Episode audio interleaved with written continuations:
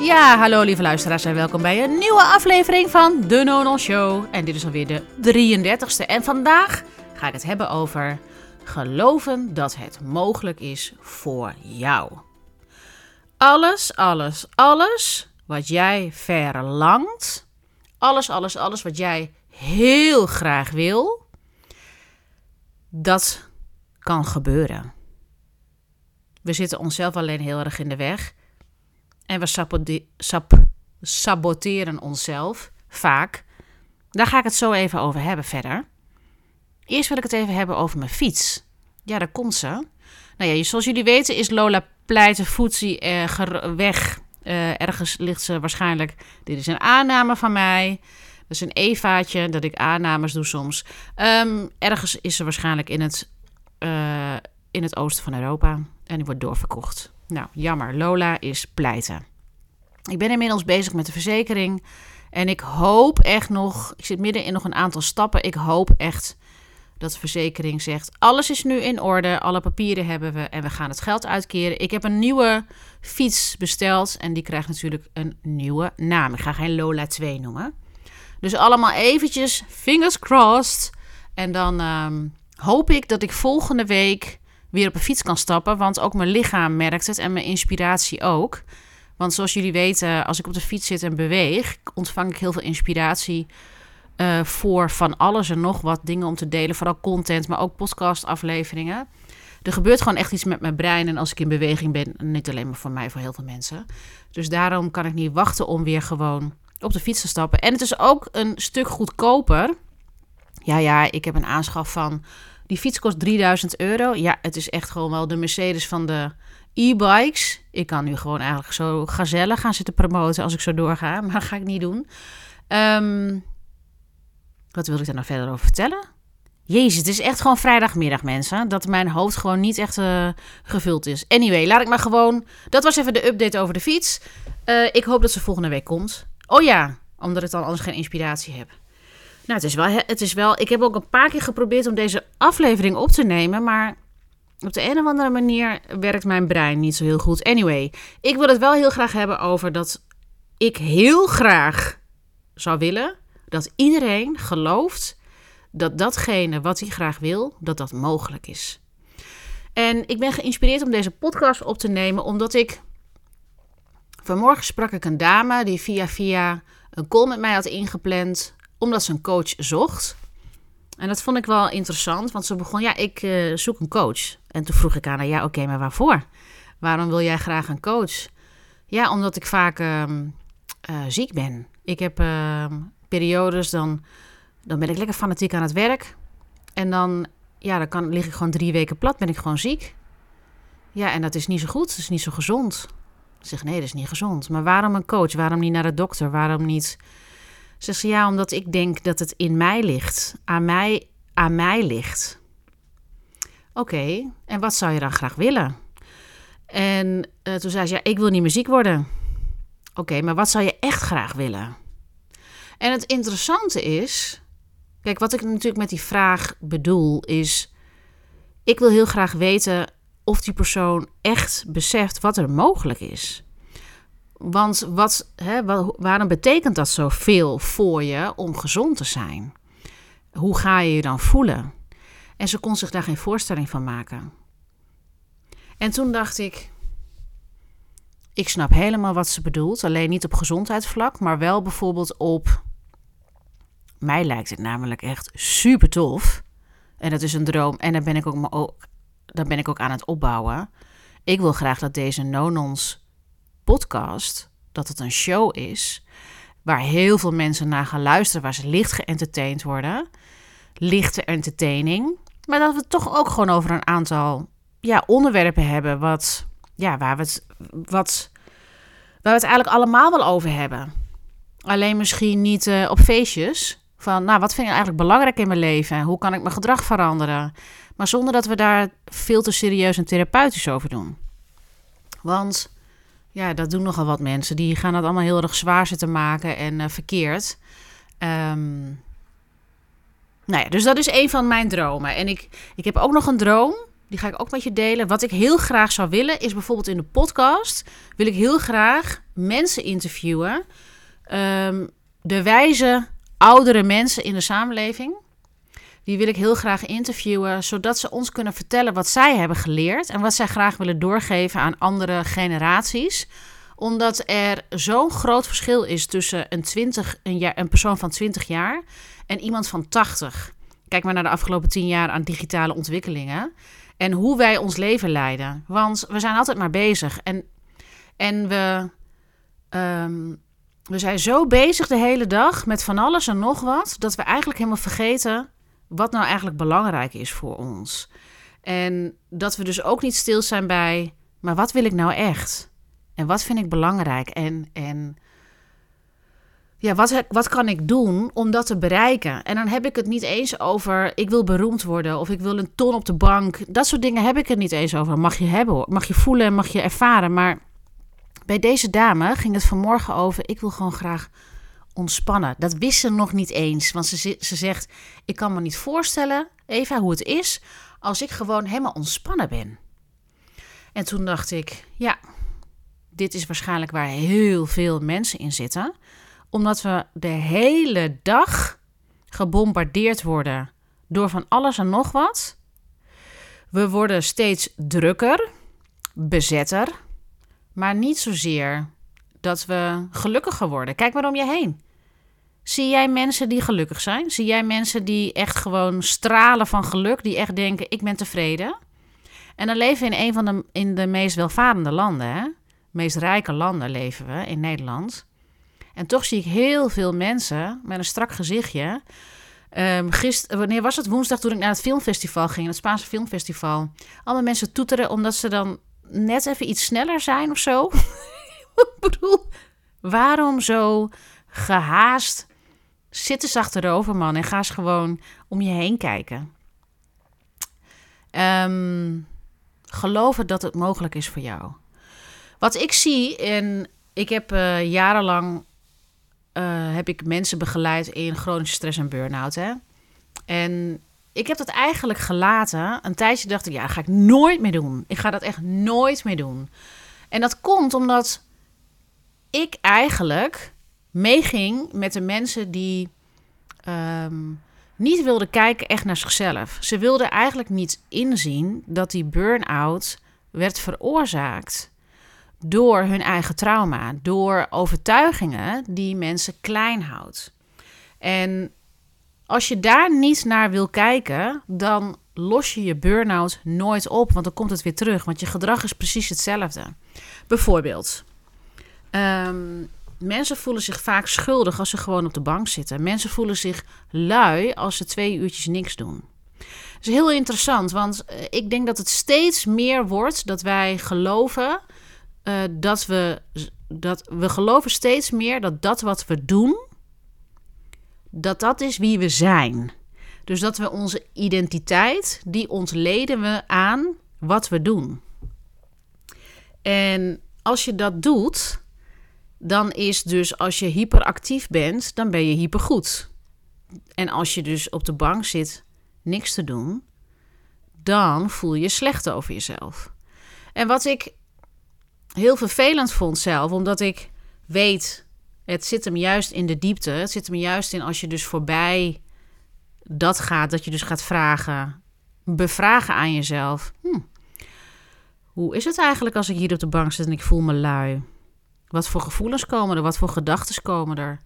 Want dan ga je morrelen aan de overlevingsmechanismes. Dan ga je morrelen aan, ik noem het morrelen, maar dan ga je eigenlijk een beetje zitten peuteren aan, oh ja, was dat bekend in je gezin? Moest je in, jou, in het gezin waar je opgroeide, moest je altijd actief zijn? Hè, zag jij voorbeelden van mensen die ook de hele dag bezig waren? En, want wat je ziet, is wat je kopieert. Wat je ook gelooft over jezelf. En ik kan zeggen dat ik ben ook opgevoed met een uh, achterhoekse nuchterheid aan de ene kant en een, en een Spaanse nuchterheid. Want heel veel mensen denken dat Spanjaarden altijd maar temperamentvol, maar dat zijn ook gewoon hele harde werkers. Totaal niet zweverig. Um, dus dubbel belast. waarin ik een overactieve moeder had die zich wilde bewijzen omdat ze zich een allochtoon voelde. En ehm, ja, ja, dit is wat echt wat bij ons thuis zich afspeelde. Ik heb ook daar wat over verteld in de aflevering hoe het is om Spaans-Nederlands te zijn. Maar als je een moeder ziet die drie verschillende banen heeft en ehm, het doet met bewijzen aan zichzelf vooral. Ik kan dit. Ik kan. Ik ben een zelfstandige vrouw en ik ben onafhankelijk. Mijn moeder komt uit de generatie van. Zij is in de jaren 50 geboren. Dus zij ehm, kwam hier in, in de jaren 70 naar Nederland. Waar in de omgeving, in de achterhoek, waren het allemaal huisvrouwen. Mijn moeder was een van de enigen die werkte. En dat was ook heel normaal. Want in Spanje was het veel normaler eh, dat eh, vrouwen in de stad in ieder geval, dat ze gewoon ja, werk hadden. Mijn moeder had ook een universitaire opleiding. Dat ging ze echt niet aan de bomen, aan de wilgen of aan de wilgenbomen, aan de, aan de, aan de wilgen hangen en dan gewoon achterover zitten. Dus mijn moeder is en daarnaast ook nog kunstenaar. En zij, eh, dat doet ze ook al 30 jaar, geloof 40 jaar. En dus ze was docent Spaans, kunstenaar en maatschappelijk werk. Ze hielp eh, Spanjaarden hier in Nederland eh, om hun weg te vinden als ehm, iets met juridische dingen. Nou, maatschappelijk werk deze voor Spanjaarden. En ik heb het jarenlang gedaan op een andere manier. Ik heb jarenlang heb ik Spanjaarden begeleid, heb ik gecoacht. Ook dat ze hier kwamen. En hoe ga je dan om met de verschillen in Nederland? En wat betekent dat voor jou, voor jouw persoonlijk leiderschap? Dus het is wel interessant dat de patronen zich herhalen. Ehm, dus als, je, als ik, heb ik, ik heb zo'n voorbeeld gehad. En mijn zussen, die werken ook alle twee. eh, naast dat ze een gezin hebben. En voor ons is dat eigenlijk een soort van normaal gegeven. Ehm, terwijl ik om me heen kijk en dan zie ik, hé, hey, dit standaard Nederlandse vrouw. Dan ben ik misschien aan het generaliseren, maar dit is wat ik zie, mijn ervaring. Drie dagen in de week werkt de Nederlandse vrouw en vijf dagen in de week werkt de Nederlandse man. En samen runnen ze als een team hun gezin. Ehm, in Spanje is dat echt. Nu werken alle twee, werken ze alle twee. En wordt, worden de kinderen opgevangen als je een gezin hebt, wordt dat opgevangen. Ehm, heel veel door de opa en oma. Maar kinderdagverblijven zijn veel goedkoper dan hier. Het is echt belachelijk hoe duur het hier is. Ehm, maar als je zo'n voorbeeld hebt. Of het nou goed of slecht. Het maakt helemaal niet uit of het een goed of, voor, goed of slecht voorbeeld is. Maar het is wel aan de bak. Weet je, ik ben, vanaf mijn vijftiende heb ik al bijbaantjes. Ik heb altijd gewerkt. Op mijn achttiende ben ik naar Spanje vertrokken. En toen was het ook altijd gewoon aan de bak, die handel. Weet je, Eh, studeren, werken, bijbaantje, geld verdienen. En eh, de broek zelf ophouden. Het was niet zo van, nou, ik ga even mijn handje ophouden bij mijn ouders en die gaan wel dingen betalen of zo.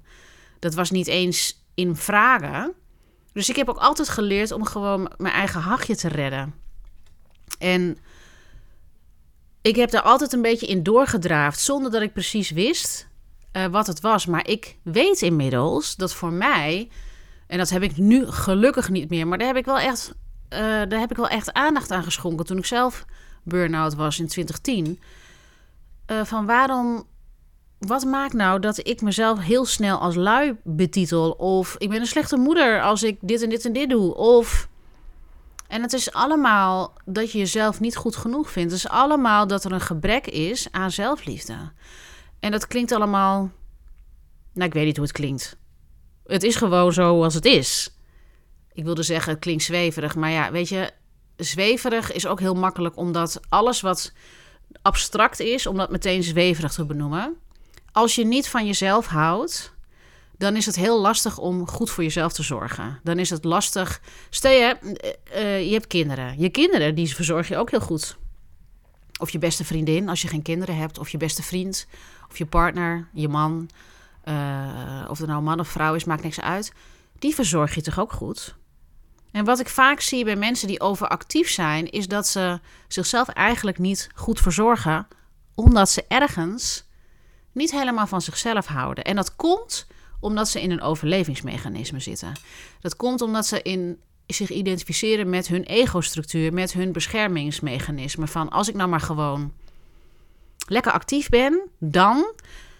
En vaak weten mensen niet eens wat er dan is. Maar dan ben ik goed. Dan word ik niet afgewezen, dan word ik niet verlaten. Dan ben ik gewoon goed zoals ik ben. En dat is iets wat we vanuit, vanuit onze kindertijd onbewust meekrijgen. En terugkomen op mijn verhaal. die vrouw, ja, als ze met mij gaat werken, het is nog niet, uh, we moeten nog een volgende call inplannen. Want het was na 30 minuten was de call voorbij. Zij moest, uh, ze moest nog wat anders doen. Dan gaan wij hier aan werken. Dan gaan wij, uh, waarschijnlijk heeft ze last van chronische stress. Wat maakt dat het immuunsysteem dan slechter werkt en waardoor je veel eerder een koudje vat. En dan niet alleen maar een koudje, maar ook bronchitis en dan lig je drie weken plat. Dus mensen, mocht je dit herkennen dat je om de zoveel maanden echt vet ziek wordt of dat je elke griep te pakken krijgt, dan is er iets met je immuunsysteem. En als je nou heel overactief bent, dan is het zo dat je lichaam gewoon te weinig kan opladen. Dus echt een pure fysieke toestand. Ik heb het wel vaker verteld in mijn uh, podcastafleveringen. Als je lichaam niet genoeg tijd heeft om op te laden, als je altijd maar actief bent aan het opruimen, de kinderen verzorgen, werken, uh, of als man dat je ook de hele dag aan het werken bent en keihard aan het sporten. Dat zie ik vaak bij mannen, zijn ze vaak aan het sporten. Uh, of ze liggen de hele na het werk gaan ze eten koken en dan gaan ze zappen, uh, Netflixen en op de telefoon scrollen. En er is weinig beweging. Dat is wat ik vaak bij mannen zie. Ja, dan ben je ook niet aan het opladen. Want Netflix, lieve mensen, is hartstikke leuk. Maar dat helpt absoluut niet bij het ontspannen. Want je raakt nog steeds geactiveerd. En het is hetzelfde als op de hele dag op die telefoon te zitten en te scrollen. Scrollen dan ben je ook absoluut niet aan het opladen. Dus in de afgelopen tien jaar, met die smartphone vooral, de afgelopen vijf jaar, ja, die bestaat wel wat langer. Maar ik weet nog dat ik uh, met Simon, die was anderhalf, had ik geloof ik een iPhone 3. Nou, dan kon je al, kon je al niet alles wat je nu kan met de apps en met Google. Ik ben er zelfs ook schuldig aan. Hè? Als ik, er gaat iets door me heen en dan heb ik een vraag en dan denk ik, oh, even opzoeken. Maar het is natuurlijk gewoon onzin, want je bent de hele dag eigenlijk alleen maar jezelf aan het voeden met, met loze informatie. Terwijl het is zo belangrijk om dat lichaam de rust te geven, want wij zijn geen apparaten. Een apparaat moet ook eigenlijk opladen. Hè? Het is net als je telefoon, alleen wij doen dat niet bij onszelf. En als je in chronische stress verkeert, dan kan je lichaam dus niet opladen. Ehm, en dan is het dus belangrijk om rustmomenten in te bouwen. En dan denk je, maar dat is toch heel erg makkelijk? Ja, maar niet voor mensen die overactief zijn. En misschien luister je dit zelf wel, denk je, rustmomenten inbouwen. Wanneer heb jij voor de laatste een rustmoment ingebouwd? Houd jij wel pauzes? Ja, dat zijn al vragen die belangrijk zijn. Nou, ik dwaal een beetje af, want we gingen het hebben over geloven dat het mogelijk is voor jou. Als jij graag datgene wil doen wat jij voor ogen hebt, dan is het. Ga ik praktische tips geven? Ja, nou, je hebt een praktische kant en een minder praktische kant. En de praktische kant is dat je de tijd voor vrij moet maken. Uh, als jij een bepaalde droom hebt, zoals ik wil graag deze podcast groot maken, dan heb ik daar toch echt wel een aantal podcastafleveringen per week voor nodig. Dan moet ik tijd voor inplannen. Je moet de skills leren om die technische skills om dat allemaal te kunnen. Nou kan ik dat eindelijk. Dat heeft wel een paar maanden geduurd. Ik moet gewoon zijn met inspreken. Ik moet gewoon vaak doen. Dus tijd en ruimte inplannen. Maar het begint allemaal met dat ik geloof dat het echt mogelijk is. En het interessante is dat op het moment dat ik ben echt ben gaan geloven, dit en dit en dit is allemaal mogelijk voor me, komt het meer naar me toe, krijg ik reacties, mensen geven complimenten. En ik zal je vertellen wat voor mij het allerbelangrijkste was om te leren. En daar heb ik dus een jaar over gedaan. Ik, ik kan het echt eerlijk zeggen. Ik heb een jaar gedaan over het volgende. Oké, dus als ik geloof dat het mogelijk is, dan zie ik, niet alleen bij mij, maar ook bij anderen, en ik ga zo vertellen wat er bij mij was, dan is het heel belangrijk dat je het thema aangaat wat jou gaat helpen om datgene te doen wat jij verlangt. Want datgene wat jij verlangt, dat is het zaadje wat God in je hart heeft geplant, zodat jij daarna gaat luisteren en dat vorm gaat geven. Het is geen toeval. Ik heb niet dezelfde verlangens als jij. En wat mij het meeste waar ik doorheen mocht gaan en mocht leren. En ik zeg mocht, want het is, weet je, het, dat hoefde natuurlijk helemaal niet. En ik moet helemaal niks. Is leren ontvangen. Ik heb mijn hele leven, heb ik eigenlijk altijd gegeven. Dat was mijn defensiemechanisme. Kijk, ik ben een coach. Ik ben niet voor niets een coach. Ik hou ervan om te geven. Ik vind het geweldig om mensen in hun hoogste potentieel te zien en ze te helpen om daar naartoe te gaan. En dat doe ik niet alleen maar met mensen in mijn werk, maar ook bij mensen in mijn privéleven. Alleen, als ik alleen maar geef en ik ontvang niks, ja, dan gebeurt er niet zoveel. En je raakt leeg. Dat was ook een van de redenen dat ik leeg raakte. bij mij is het lek als ik mensen veel te veel ga geven, maar zelf niet ontvang. En hoef ik het niet te ontvangen van die persoon, maar ik kan het ook ontvangen van andere mensen. Maar als ik geef omdat ik het gevoel heb dat ik anders niet voldoe of ik niet goed doe, ja, dat zijn geen lekkere energie-vibes. Eh, dus dat is wat ik echt geleerd heb. En het mooie, en dat wil ik echt met je delen, is dat als je leert ontvangen, als je zegt: Oké, weet je, leven. En dat heb ik al vaker gezegd, maar nu zeg ik niet meer leven.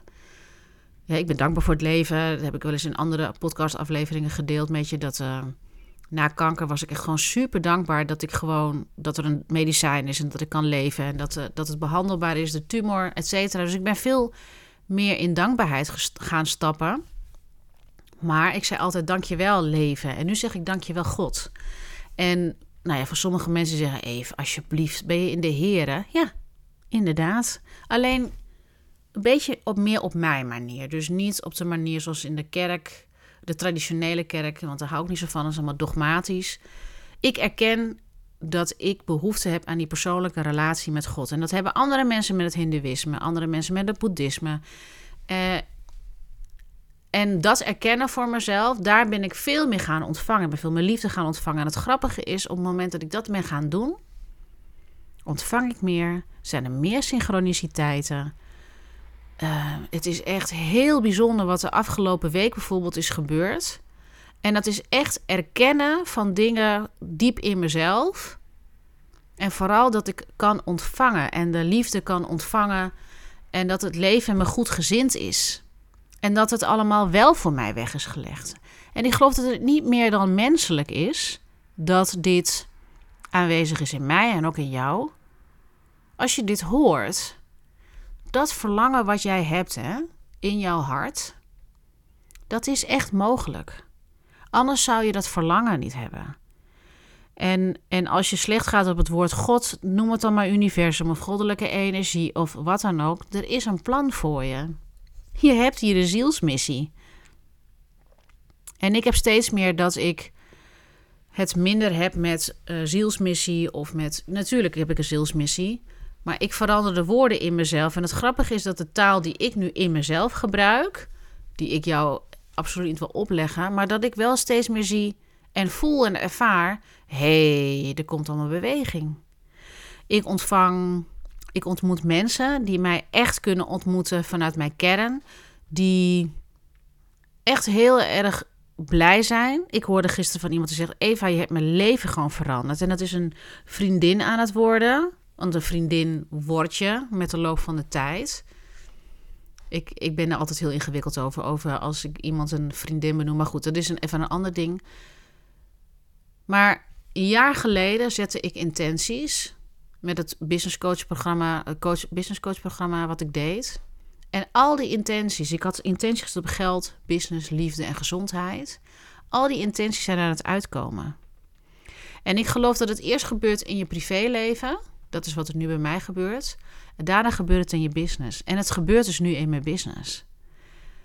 Er kwam van de week kwam er dus gewoon ja, iemand op de lijn. Iemand die, die, boek, die boekte die call in En dat ik echt denk, hè? Mensen komen gewoon zomaar uit het niets.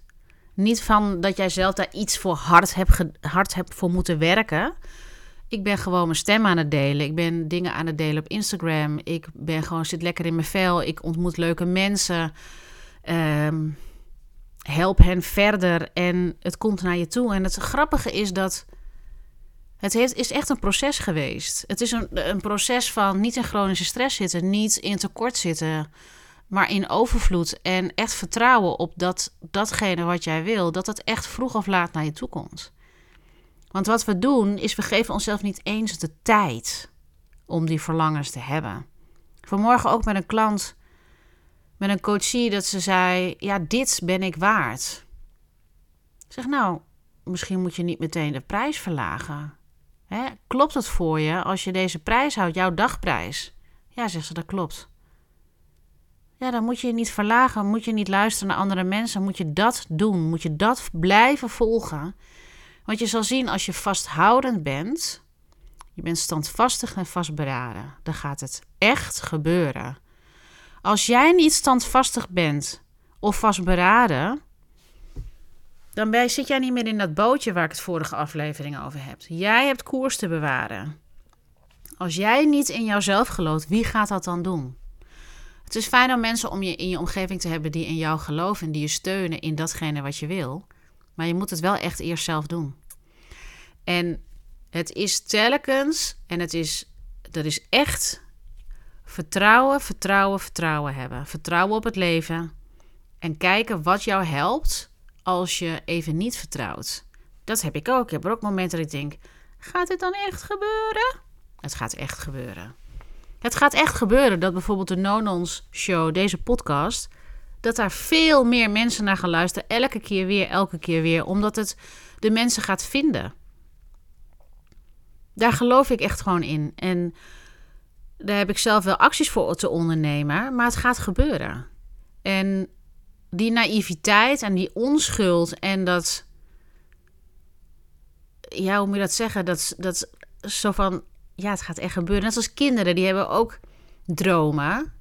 Die willen later ook groot worden.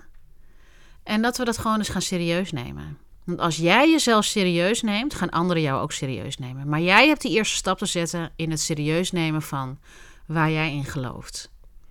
Nou, hier ga ik het bij houden. Ik heb echt wel gewoon een beetje een van alles en nog wat aflevering opgenomen vandaag. Maar goed, zo gebeurt het ook in gesprekken, denk ik. Ik ben heel benieuwd naar je reactie, als je een reactie hebt.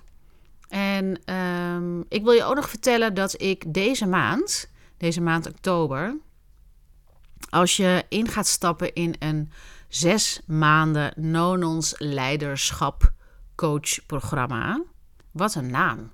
Dus als je met me wil samenwerken in een zes maanden Nonons coachprogramma, waar we het gaan hebben over jouw leiderschap, waarin we dat dus gaan ontwikkelen en kijken wat is er allemaal, niet wat is er mogelijk, maar dat jij hardop durft te zeggen, dit is wat ik wil.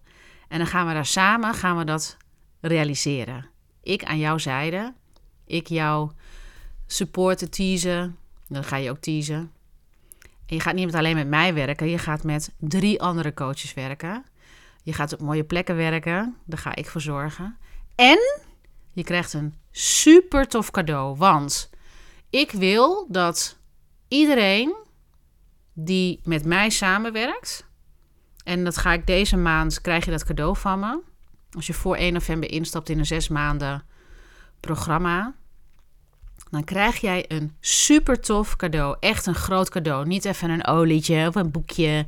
Boekjes krijg je sowieso van me. Je krijgt een meditatie van me. Ja, dat zit er al allemaal standaard in. Je gaat met drie coaches werken. Zit er ook allemaal standaard in. Een familieopstelling krijg je, stembevrijding, sessies en human design sessie met drie fantastische dames. Ehm, maar je gaat iets fucking vets ontvangen. En het leuke is, dat heb ik ook dus dit jaar geleerd om echt groots te denken. En dit is iets. Ik kan gewoon niet wachten om het te vertellen. Ik ga het nog niet vertellen. Als jij hier, als je nieuwsgierig bent en je wil meer weten, stuur me dan gewoon een DM via Instagram. Ik ga het vanaf volgende week maandag ga ik bekendmaken wat het is. Ik kan gewoon niet wachten. Ga ik het vertellen aan de podcastluisteraars? Nou, ik ga één detail, ik ga één detail delen. Ik ga één detail delen. Het heeft te maken met. Het heeft te maken met. En ik ga alleen maar één woord zeggen. Het heeft te maken met haar. Als je haar hebt. Het heeft te maken met haar. De haren op je hoofd. En dat is alleen maar één detail. Het gaat zo super vet zijn. Ik ben ook echt, nou, ik, ik, ga, nee, ik, kan, ik kan niet verder delen. Ik ga vanaf maandag ga ik delen wat het is. Ik ben ook echt fan van bepaalde dingen waar dit in gebeurt. Het is echt een speciale behandelingsding. Misschien kan ik wel vertellen dat het uh, bijna een hele dag duurt. Dus je krijgt een extra VIP-dag. Maar wat die VIP-dag dan inhoudt, nou, daar heb ik al, nou heb ik al echt wel wat meer verteld dan ik op Instagram deel. Oké, daar hou ik het bij. Maar wil jij, ben je zo nieuwsgierig en heb je al iets van: Oh, Eve, ik wilde al met je samenwerken, maar ja, nu heb je me zo nieuwsgierig gemaakt. Als jij instapt, als jij instapt, als jij contact met me opneemt en je stapt in, misschien krijgen we dan nog iets extra's. Nou ja, um, stuur me een DM als je echt niet kan wachten en je, en je hebt zoiets van: Oké, ik heb namelijk echt twee plekken. Twee mensen, twee mensen die deze maand instappen, die krijgen dat, die krijgen dat programma sowieso. Zes maanden in ons coachprogramma. Maar ik heb voor twee mensen heb ik plek. Of voor drie. Nee. Nou ja, we zullen het zien. Twee of drie mensen. Twee of drie mensen. maar het is echt beperkt. Ik ga dit niet aan iedereen geven.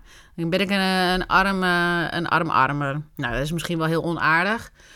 Maar het is wel echt een heel groot cadeau. Dus voor jouw moed geef ik jou dat cadeau. Als jij instapt voor 1 november en je gaat je inschrijven. Uh, samenwerken met me voor het zes maanden programma. Niet voor het eer één maand programma, voor drie maanden programma.